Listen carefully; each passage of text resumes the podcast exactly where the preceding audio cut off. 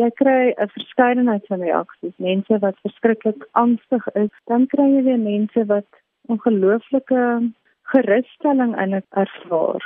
Dit ons hoor elke Sondag as ons kerk toe gaan, dan praat mense ons ontvang lewe deur Christus. So die dood maak nie meer van ons saak nie. En dit bring vir baie mense groot vertroosting as hulle oor dood dink en oor dood praat. Maar ons bly mense. Wanneer mense oor die dood praat, is ons bang. Dis die eerste ding wat ek gesê het, die eerste emosie wat na vore kom. Daar kom tog 'n stadium wat ek vind by mense wat terminaal siek is en wat weet hulle gaan sterf, dat hulle begin om soort van die afskeidsgesprekke te hê en waar die mense om hulle gedwing word om daarmee saam te gesels, jy weet, om ook oor die dood te praat. Regter die bank is die reaksie dieselfde. Ons praat nie oor die dood as dit ons nie direk in die gesig staar nie. Dr Sonja van der Spy is 'n dokter by die Brede Rivier Hospice in die Wes-Kaap. Sy werk daagliks met mense wat gekonfronteer word met lewensbedreigende siektes en sy sê die dood is 'n werklikheid waaroor daar gepraat moet word. Baie keer is die vrees rondom dood omdat mense dalk in pyn kan doodgaan of dat dit geassosieer word met geweld waar die dood eintlik 'n wonderlike ding ook kan wees. 'n Tydperk vir mense kan gee vir alles hulle lewensbedreigende toestand het en hulle heel waarskynlik van daardie toestand gaan doodgaan. Kinders moet definitief bewus gemaak word van dood en ook ek is bly jy noem dit dood want dit is dood. Dit klink net grof net soms baie keer dinge versag weet jy sê hy het ons verlaat of iemand is net afgesterf of iets. Maar dood is anekdote en ek dink dit is belangrik dat ons kan praat oor dood. Dominee Elise Klit is betrokke by die Melville Kruiskerk in Johannesburg. Sy sê hulle het die onderwerp al aangeraak in hulle eie gesin. Dit is moeilik.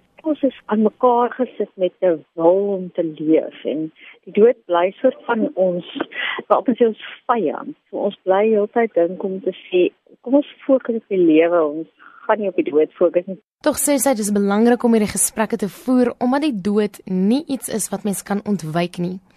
Na verskeie gesprekke het dit aan die lig gekom dat diegene met 'n spiritualistiese ingesteldheid makliker met die dood kan omgaan. Dr van der Spy is een van hulle.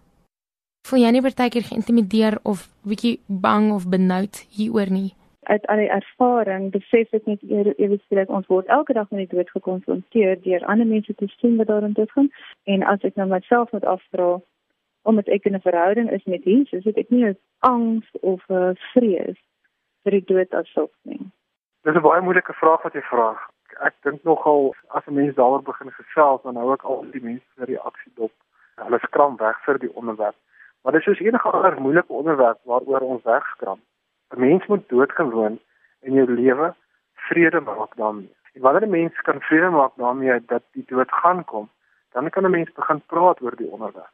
Dit was die stem van Dominee Hein Delport. Hy het sy doktorsgraad gedoen in pastorale begeleiding. En volgens hom is gesprekke oor die dood gewoonlik prakties van aard, kort en kragtig. Hy sê daar moet juis oor die dood gepraat word om vrees met 'n mate van vertroue te vervang.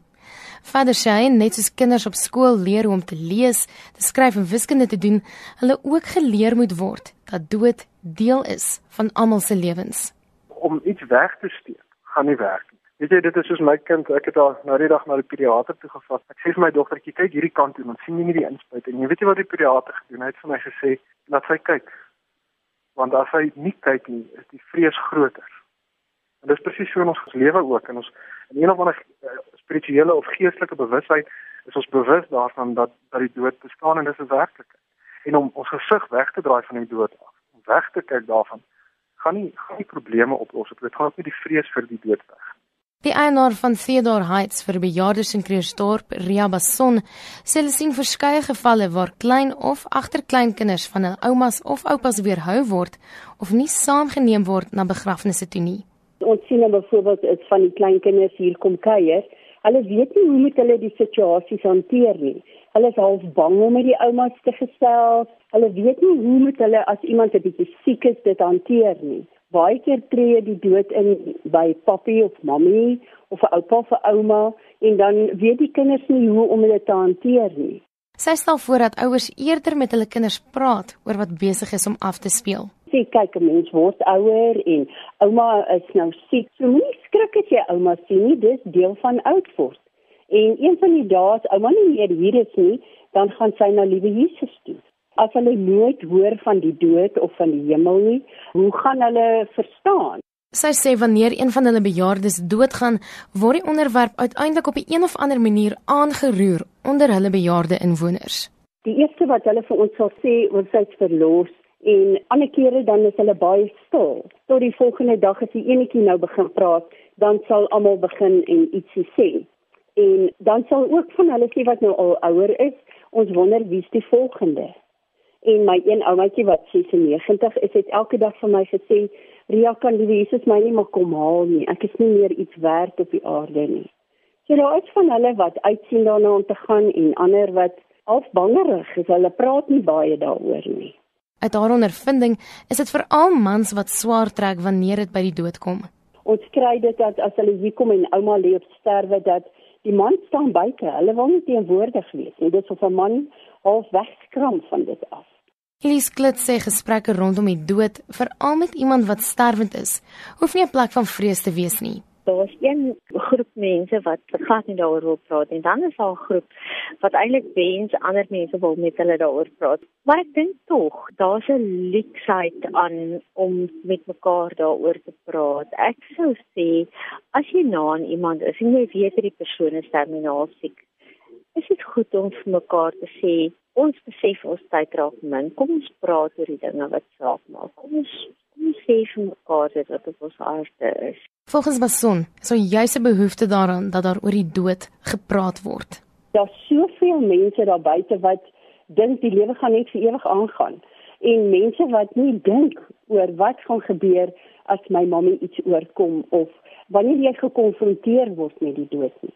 So ek hoop en vertrou regtig dat dit vir baie mense miskien bietjie sal laat stil staan en dink. Dit was Ria Bason, die eienaar van Theodore Heights vir bejaardes in Krugersdorp aan die Gautengse Wesrand. Ek is Marlene Forsie vir SAK nuus.